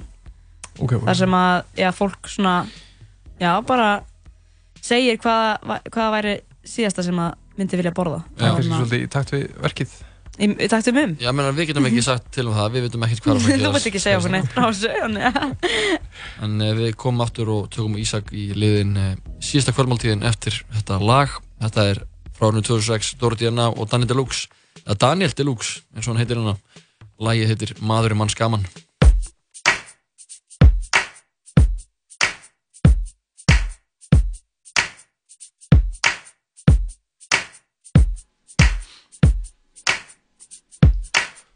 gaman. Tala, tala, tala, Já, ég var á leiðinni í tíma En var því bara að skrópa. Því var slagur sem ég varð að sjá Og var því bara að þjóta. Það voru tvei strákar æsti Já, annar hæfði æsi Hann greip því um höfuð hins Og af öllum krafti læsti. Hann losnaði fljótt eins og villi dýr. Og ólok Hann steig fram í löppina og kýldi hann til blóðs. Hinn vildi ekki hætta. Því stolti var á stert Svo hann horfði niður í gólfið og kyrðan upp í vegg. Og nakkinn skalli hurð og beggja var nú blóðið. Og í sömu andrátt og duttu þeir í gólfið. En báði voru þreyttir og reyndu samt að lemja En kunnu ekki að klíma og pössuðu upp á gemsan Slagurinn var búinn og engin var nú ást. Þetta hefði farið betur hefðu þeir kunnað að slást. Einn hafði víst elst við ranga dömuna. Hinn sagði sömu söguna, bara alveg fyrir öll Þetta gerðist og það var gaman að sjá Og maður er mannskaman og drama er vá. Hatur og þrá, marinn og blár Og allir vilja sjá svo svakaleg sál Þetta gerðist og það var gaman að sjá Því að maður er mannskaman og drama er vá. Hatur og þrá, marinn og blár Og allir vilja sjá svo svakaleg sál Það var stelpa, sæt, seiðandi og sexy. Ég sá hana fyrir utan skólan reykjandi með Pepsi. Hún horfði á mig lúst, ég fann augnar á því stinga. Hún hafði eitt sinn séð mig á tónleikum syngja. En hún átti kærasta, svo ég hélt áfram leið minni. Þegar ég er ekki típan sem að eyðileggur heimili En okkur dögum setna að fréttst út um allt að Hún hafði haldið heim með gæja sem var að rappa rap Það var pipar ofan í satt og nú var kjartin sár. Það var myndalegur og klár en bara ekki nógu hár. En skól horfði á þegar þau rifist og ég sór. Ef það væri ekki sjúkt myndi ég fá með pop og kók. Sambandi slitnaði, strákurinn svitnaði. Að rapparinn vildi ekki hitta sig. Kraftasaga sem var sönn út til enda Nú enn er hún gengur þá forvitni benda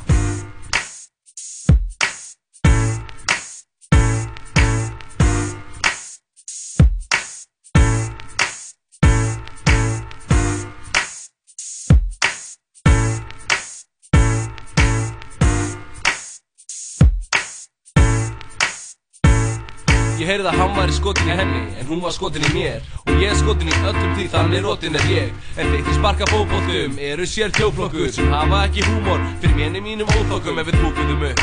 Já eftir gott partí Stelpan svo passív, spennan svo massív Ég vildi ekki meira, ég fór heim eins og Lassi Ný lasta inn á bloggsíða, ég ætti inn í bassmíð Þið stráka mig að tala, ef öðlast er sár. En þegar skíturinn skeður, ég höndla mín mál Löðrandi tár Ég held að máli væri slátrað En í skóla næsta dag, já þá byðum í strákar. Og ég bilaði hlutin sem er mega ekki að tapa. Svo ég hendi mín big time, ég veit að væri glatað Og hvað stóð eftir nema grátandi mei Sem hættir ekki að snögga þess að strákur fór heim. Maður er manns, þetta er af plötunni Stelpur og Chill með þeim eh, Danny Deluxe og eh, Dóra Diana Óskarlag frá árinu 2006 frá Ísaki Hinriksinni sem, sem setur hérna hjá okkur. Ísak er að setja upp uh, og sína síninguna Maður uh, Minningum mann. Minningum mann, já. Sem er frumsýnd og sýnd í eitt skipti aðeins núna á uh, Á morgun. á kaffiflóru. Og uh, það er búin að vera mikla vangaveltur um efnistök þessara sýningar. Fólk er já, bara algjörlega út í myrkrinu út á þekju, það veit ekkert hvað er að fara að gerast. Já, verður maður ekki að lofa veislu? þú verður- veislu við þetta verður veisla. áhorfendur verða bara að hana, vona að þú efnir það lofvorð En vegna þess hversu mikið er á reiki hvað er að fara að gerast í sýningunni þá uh, fannst ykkur smá viðjandi að þú kemur hérna, spjallaðar eins um sýninguna og Mhm. þú kemur líka einn fastan lið. Og uh, liðurinn heitir síðasta kvöldmáltíðin. Þá koma gestir til okkar og, og útlista hver væri þeirra segðnasta kvöldmáltíð eða þau væri bara á leiðinni í stólinn Þannig að þetta, maður þyrfti þá að velja eitthvað sem væri svona alveg uppáhald sjá manni. Já, það meina- alltið bara eftir því hvernig Einmitt. þú lítur á sko. Fólk hefur svolítið verið að velta því fyrir sig sko, af hverju er þetta síðasta kvöldmáltíði mín, á, Mhm. er þetta eitthvað svona, er ég búin að gera eitthvað sem er rámt eða er ég kannski bara tilbúin Já, og, hvers vegna maður er að deyja. já, þú veist, ert að fara að refsa þér og þetta er svolítið svona aðstæða sem þú ert svolítið að Svolítið undir þér komið. Já, já. og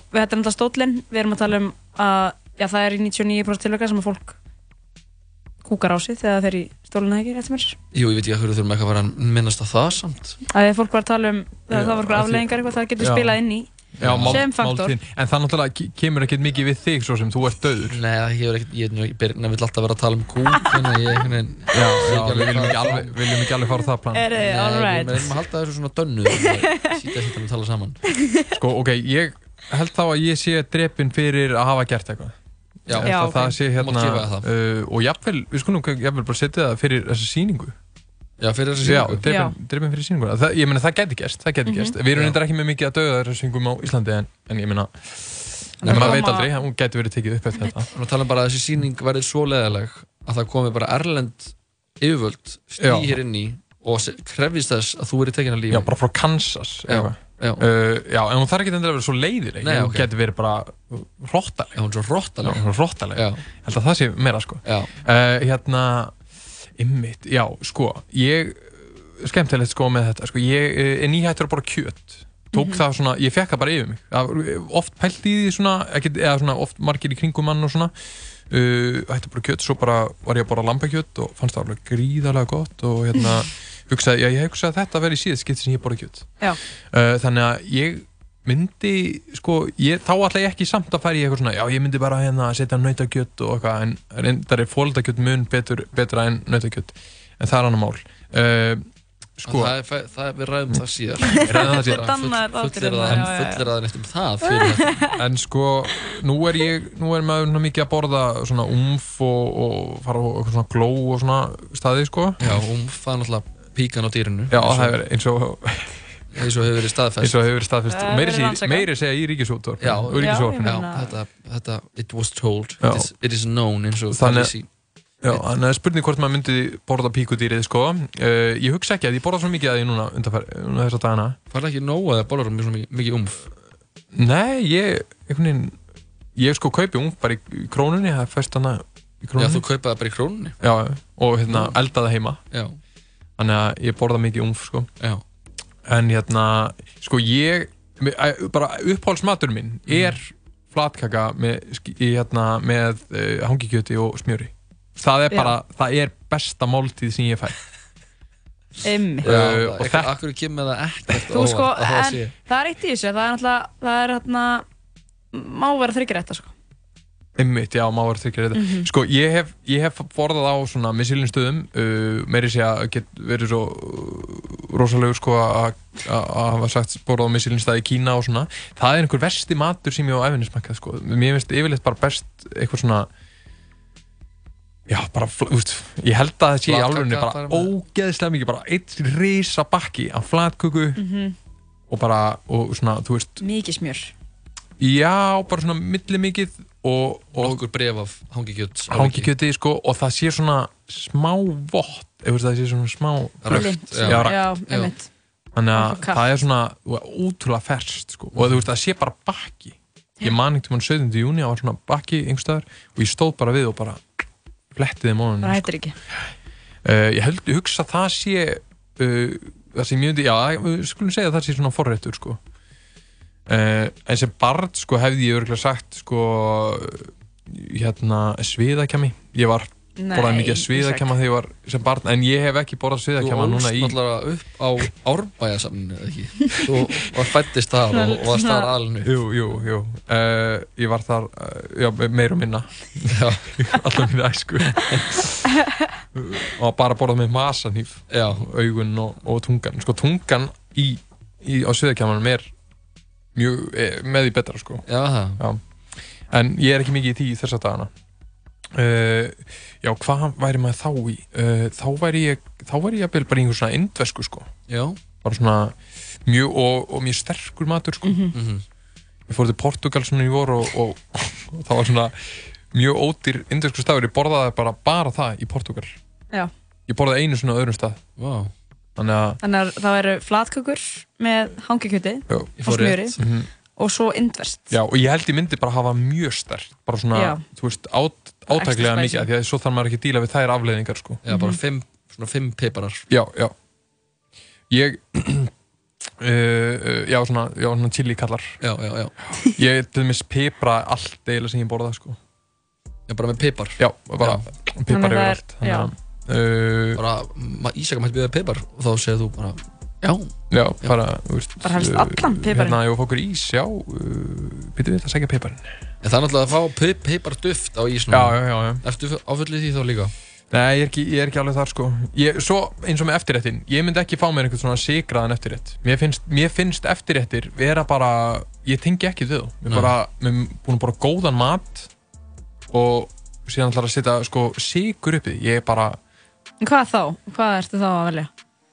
Eftir mat? Bara double, double, espresso eða? mm, Já, bara kannski cappuccino og eitthvað svoleiðis Mhm. Það er samt eitthvað svona bara Nei, allir maður myndi ekki bara vilja blóð guðs Rauðvín eitthvað rauðvínsglas? Já Ok, við erum að tala um það að sí, þín síðasta kvöldmáltíð er þið í forrétt bakki af flatkökum með hangikjöti og smjöri En hverju, hvað á ég að drekka með því? Þú verður að para, Það er para við þér sko. komið. Kókomjölk kannski með flatkökunum? Sko, Ekki ég held að það sé að því maður veit að maður er að deyja og, svona, og þá er fínt að á maður ekki bara að taka brennivín með og þá á maður að fara í indverska dæmið Já. sko uh, svona uh, vel hífaður á því sko Já, já, einmitt Mjög stert Nei, nei, ég held að þetta sé algjörlega áfengislust Allt saman. Maður á ekki að vera kvetið til áfengistrykju heldur Myndir ekki fá þér í, í sem eftirmatt Jú, jafnvel, kannski til, Já, til að laga magan Já, já, já Tilbaka Svo myndir ekki algjörlega Mhm. En deyr maður bara beint eftir máltíðina eða? uh, Já, það Já, Og þú bara púkan á klá, hraði. klárar að borða Byrjan að hættu þessu Þú veist, er það bara eftir síðasta bitan eða þú veist, er Nei. svo, daginn eftir Nei, þú eða? bara kl- klára matinn og það bara, já, það er bara þú bara dustar aðeins milsunar og, og Mhm. þú er bara leittur inn og bara sestur se, hann látir inn í stólinn og, já, já. og það er bara uh, bara bannvæns brauta sem býður þín. Ég skil. Já, þetta, þetta er ekkert eitthvað svona skorun á háls eitthvað Nei, þetta er bara, Nei. þetta er bara mannúðlegur mannúðleg hana, mannúðlegt, hvað sem er, mandrap Já, Það getur það verið mannúðlegt? Sko, já, þetta er Já, hérna, vinir ykkar hérna í, í skoðanabræðunum, þeir tala nú fyrir að, já, annar þeirra allavega, sérstaklega, talar fyrir því að, að og nefndi það mér sem við fórsættir að þeirra að þetta taka upp uh, döðurreysingar á Íslandi. Já, við getum nú ekki gengið svo langt sjálfur sjálf Nei. Nei, þetta er ekkert sem hérna, 101 útvarfið stendur fyrir. Nei, ég... Nei, við Ekki getum, áræður. við þurfum algjörlega bara að fjalla okkur frá þessum bræðurum Ok. en þannig að við komumst að niðurstöðu að, að síðasta kvöldmáltið Ísaks Henrikssonar væri flatkökur Mhm. með hangikjöti í forrétt Já, indverskur, mjög sterkur indverskur í aðrétt Mhm. og eitt gott glas af uh, rauðu í eftirrétt Já, eh, ég ég breyti því sko Ég held að fá mér svona brúnköku sem amma býr til og bara Já, þú ert stórt allir komin í sykurinn núna bara. Já, en þú veist Já, ok, það er reyndar, en það er ekki svona síkur leðja eins og bara einhver fókin ís og eitthvað drast sem fólk er að fá Já. sér. Ég tengi ekki við það. Ekki bræðaref. Ég er bara, Og stórt mjölkuglas, bara undar Já. hennar. Ég, þetta er eitthvað svona, ég er sammála hann sko. Þetta er mjög vel valið.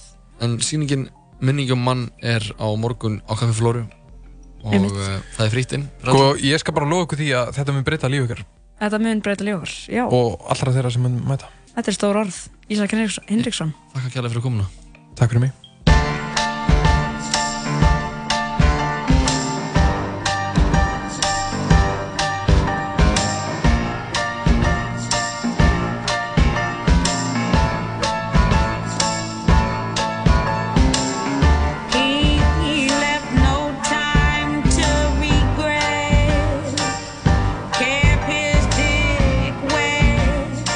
recém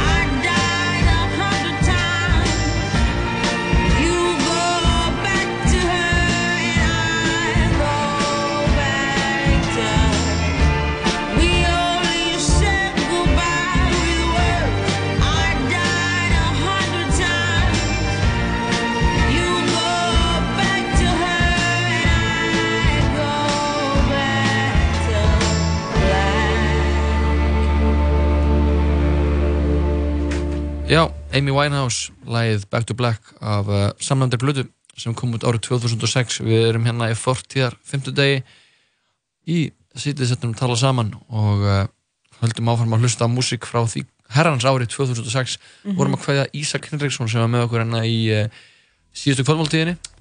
Og segja frá síningunni sinni Minningum mann. Eða mum.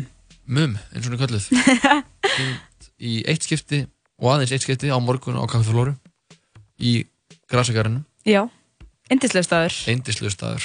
Hann er, þetta er leyni staður sko, eða svona eiginlega, þó að veit allir hvað þetta er, en maður fer eiginlega drangað, þannig að að gera sem ferði í grasakarinn á kaffeflóru er indislegt og ég maður Það er með því. það sko, það er það. Hvað þá að fara á síningu í leiðinni? En hann sagði reyndar að þessi síning myndi breyta lífi manns, Já, veit ekki alveg hvort að það sé til eins betra eða, eða hvort að ég muni bara lappa út og svo bara frekar sökka líf. Já, um mitt En, uh, Jóhann, Já. þú varst að tala um 2006 og það er eitt í þessu. Það er eitt í þessu Ég fer alltaf á að skoða hvað var í gangi í Euro 2006 Nei, það, það ár sem að er. Einmitt. Já. Veistu hvað Ísland sendi út árið 2006? uh, All out of luck Nei, við fórum með þetta síðast, Jóhann. Það var 2005 Minnum við Eða 2003 eða eitthvað. Já, nei það var hitlaði með Selmu í, fyr, í, í fyrra. Eða þú veist, 2005 Já, já, já, var já. hitlaði með Selmu. Uh, En, Var það Brigitta Haugdalega? nei, hún var 2004 Ok, 2006 þá var þetta Angel. Nei. Þetta er nefnilega, þetta er lag sem ég held að væri, að væri steitt að síðan að það hefði farið út fyrir, fyrir okkar Jóhanna Guðrún. Nei, það var 2008 eða eitthvað. Allavega, ég að hætta að láta það á hérna.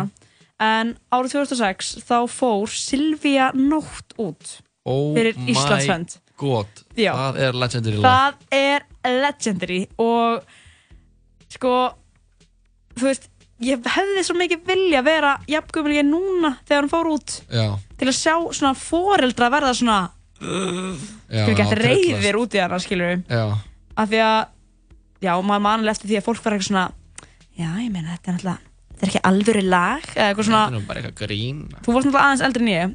Já, og og er þessum það tíma, ennþá. mannstu eftir, eftir þessu Já, þetta var náttúrulega bara ótrúlega fyndið. Þetta er epíst Þetta var fullkomi grín, þetta var líka hún náttúrulega gerir þetta lag með uh, honum, uh, hún Ágústa Eva sönguna, Mhm. sem leik Silvíu Nótt. Hún uh, var hún vann með honum Barða í Bangang já, sem er annálaður grínisti. Mhm. hann gerir til dæmis líka Mercedes Club lagi já, og hann er náttúrulega var í, er í Bangang og hann náttúrulega var núna í dag er hann bara að vinna með sko einhverjum öðrum görnum úr frönsku hljómsveitinni er Mhm. hann er bara mjög vel establiseraði tónlistamæður og ótrúlega fær Mhm. og, en með þetta rosalega skopskinn þannig að hann einhvern veginn náði að kjarna okkur Íslendinga í þessu lagi já, og, og allt, sem, allt grín sem hefur einhvern verið reynd finnst mér eftir að hann er búinn að vera hann með sín, sín, sín svona bestu júra sem brandara hefur verið frekar að það verið ekkert náð þeim hæðum sem Korki Silja Nótt nýja heldur uh, Mercedes Club sem náttúrulega náði ekki suma hæðum á Silja Nótt því að Mercedes Club fór ekki út. Mhm. en þá var Silja Nótt þá var svona algjört pík. Já, það var það. Og þetta er ennþá mjög fyndið. Já, það er bara mjög fyndið og þú veist, að fara bara einhvern karakter og vera syngjandi þarna Já, vera smá óþólandi smá óþólandi, hún gerði allt vittlust Mhm. á svæðinu. Það, hún var rekin, ég man það hún var, að, hún var ekki rekin beint út en hún, ég man hún var að lappa út á einhverju bílarstæði, út úr höllin held ég. Já, eftir hún hafi ekki unnið. Og var svona grátandi og frá blótöllum og drölla yfir hérna keppindunum og Mhm. segði lægir sem að unni hefði verið drasl og þetta, bara, þetta var fullkomið grín. Einmitt, og hún var bara grínast. Já, þetta var bara leikur en þetta var samt þetta var samt alvara líka. Mhm. að þetta er alvara fyrir svo mörgum og við Íslandingar erum náttúrulega, við erum júrósjúk þjóð. Það er alveg hárið sko. Og ég segja hvað lag vann þetta ár? Uh, hvað lag? það er nefnilega lag sem að allir muna eftir sko. Já, við erum talað um finnana já Lordi. Já, Hard Já. Rock Hallelujah ah, svona lag sem að svona, maður segir eitthvað Hallelujah þá bara byrjar einhver í hópnum eða í herbygginu að eitthvað svona nefnandi lag, finnst mér. Já, við erum er ekkert eitthvað svona- hengum kringur svona öðru sér krát Já, ég er meira með svona fólki sem að elskar þetta lag. Já, alltaf að hanga með einhverjum sem er alltaf í svona búningum líka. Já, finnskum svona En þetta var líka grín, þetta var gott grín en samt á saman tíma líka bara þú veist, lag, skilur. Já. Það var grín árið mikla, 2006 Grín árið mikla, 2006 Ég held að við þurfum bara að hlusta á lagi Hvort viltu hlusta á íslensku eða ennsku? um, Íslenska Eða ekki? Vænt Til hamingi Ísland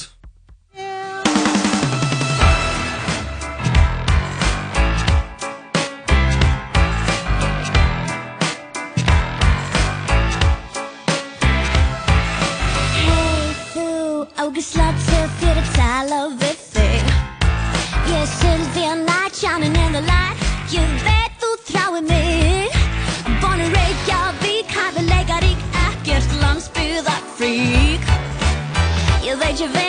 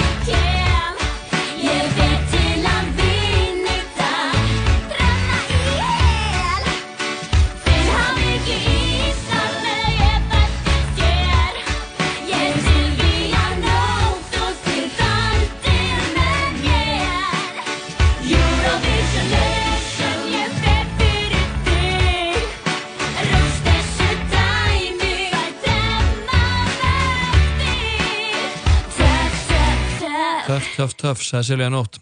Þetta var framlag Íslandíka til eh, Eurovision árið 2006 og eh, eins og hlustundum þáttarins ætti að vera orðið ljóst þá erum við í 2006 þeman í dag. Það er. 40 50 dagur hjá okkur í tala saman. Við erum að vera hana frá fjögur og verðum hana í hvað? Kort er viðbútt Já, lítið korter eftir hérna hjá okkur og lítið kort er, mér langar sko að halda áfram að spila tónlist. Við langar að halda áfram að spila tónlist. Það er sérst nóg eftir. Við erum ekkert að spila það mörg lög uh, við erum ekki með að spila neitt það mörg lögni það er náttúrulega alltaf í hverjum þætti hverjum 40 að 15 dags þætti þá er uh, eitt svindlag. Já, það er regla. Og uh, Eitt sem fær að slæta, það er líka svona að fer bara eftir hvena það var kannski að píka, skilur já, og sko það er alveg alveg alveg svona ljóst með næsta lag sem er svindlagið að það píkaði árið 2006 vegna þess að uh, þetta lag var uh, samið fyrir mynd sem heitir uh, Hustle and Flow Mhm. Hefur þú séð hana? Nei. Það er mynd sem fjallar um um pródusser og rappara sem eru að reyna að meika það og þetta er ótrúlega góð mynd sko. Mhm. alveg bara svona ótrúlega góð mynd og fyrir þessa mynd var tala við uh, hana, Suðuríkja rapparana uh, Juicy J og uh, DJ Paul og Fraser Boy sem eru og einn af svona, svona mikilvægastu fígurum Suðuríkja raps síðar ára og uh, voru meðlumir í hljómsveitinni 36 Mafia Mhm.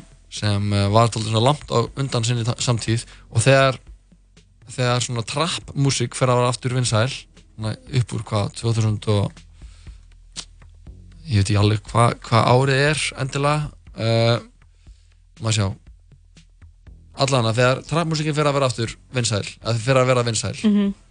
uh, þá þá sko stígur Juicy J sem er búinn að vera í þessari hljómsveit alveg svona klassísk rappljómsveit 36 Mafia þá einhvern veginn þá í rauninni reinventar hann sjálfan sig sem trap rappara. Hann hefur rauninni alltaf verið það en hann bara svona hann, hann byrjar aftur að rappa og byrjar að gefa út og þá, þá á hann bara svona ótrúlega vel við enn þetta í dag. Mhm.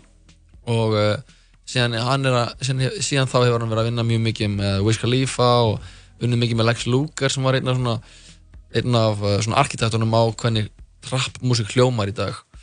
Og uh, sagt, þessi menn eru fengnir til að gera músíkina í þessari mynd Hustle and Flow. Og uh, það fer ekki betur en svo eða verð en svo eða betur en svo, ég veit ekki alveg hvernig er best að orða það. En uh, myndin fær náttúrulega mikið lof og er uh, verður bara mjög vinsæl. Og hún fær tilumningu til Óskarsfjörlununa Mhm. fyrir frumsamið lag. Ah, og uh, síðan gerist það bara að uh, þeir vinna. Og þar, þar með er sko rapparinn Juicy J búinn að vinna Óskarsvölun þetta gerist ára 2006 Mhm. hann gerir lagi 2005 en á Óskarsvölunum 2006 þá vinnur hann Ok. Óskarsvölun þannig að það eru margir rappar sem státa sig að alls konar velunum en það eru fáir sem geta með sannir sagt fullir það að þeir hafi unnið Óskarsvölun Mhm. Og það árið 2006? Það árið 2006 Ég held að það sé bara mikilvægt að við hlustum á þetta lag Þetta er uh, með honum uh, sko, Terrence Howard leikur aðhaldurki í myndinni. Ég held að hann rappi í þessu lagi og síðan er einhver Nei. ann- annar sem er að syngja uh, krókin eða við lagið. Þetta lagið It's Hard Out Here for a Pimp með uh, Terrence Howard, Juicy J og fleirum. Þetta er úr myndinni Hustle and Flow. Tjekkum á þessu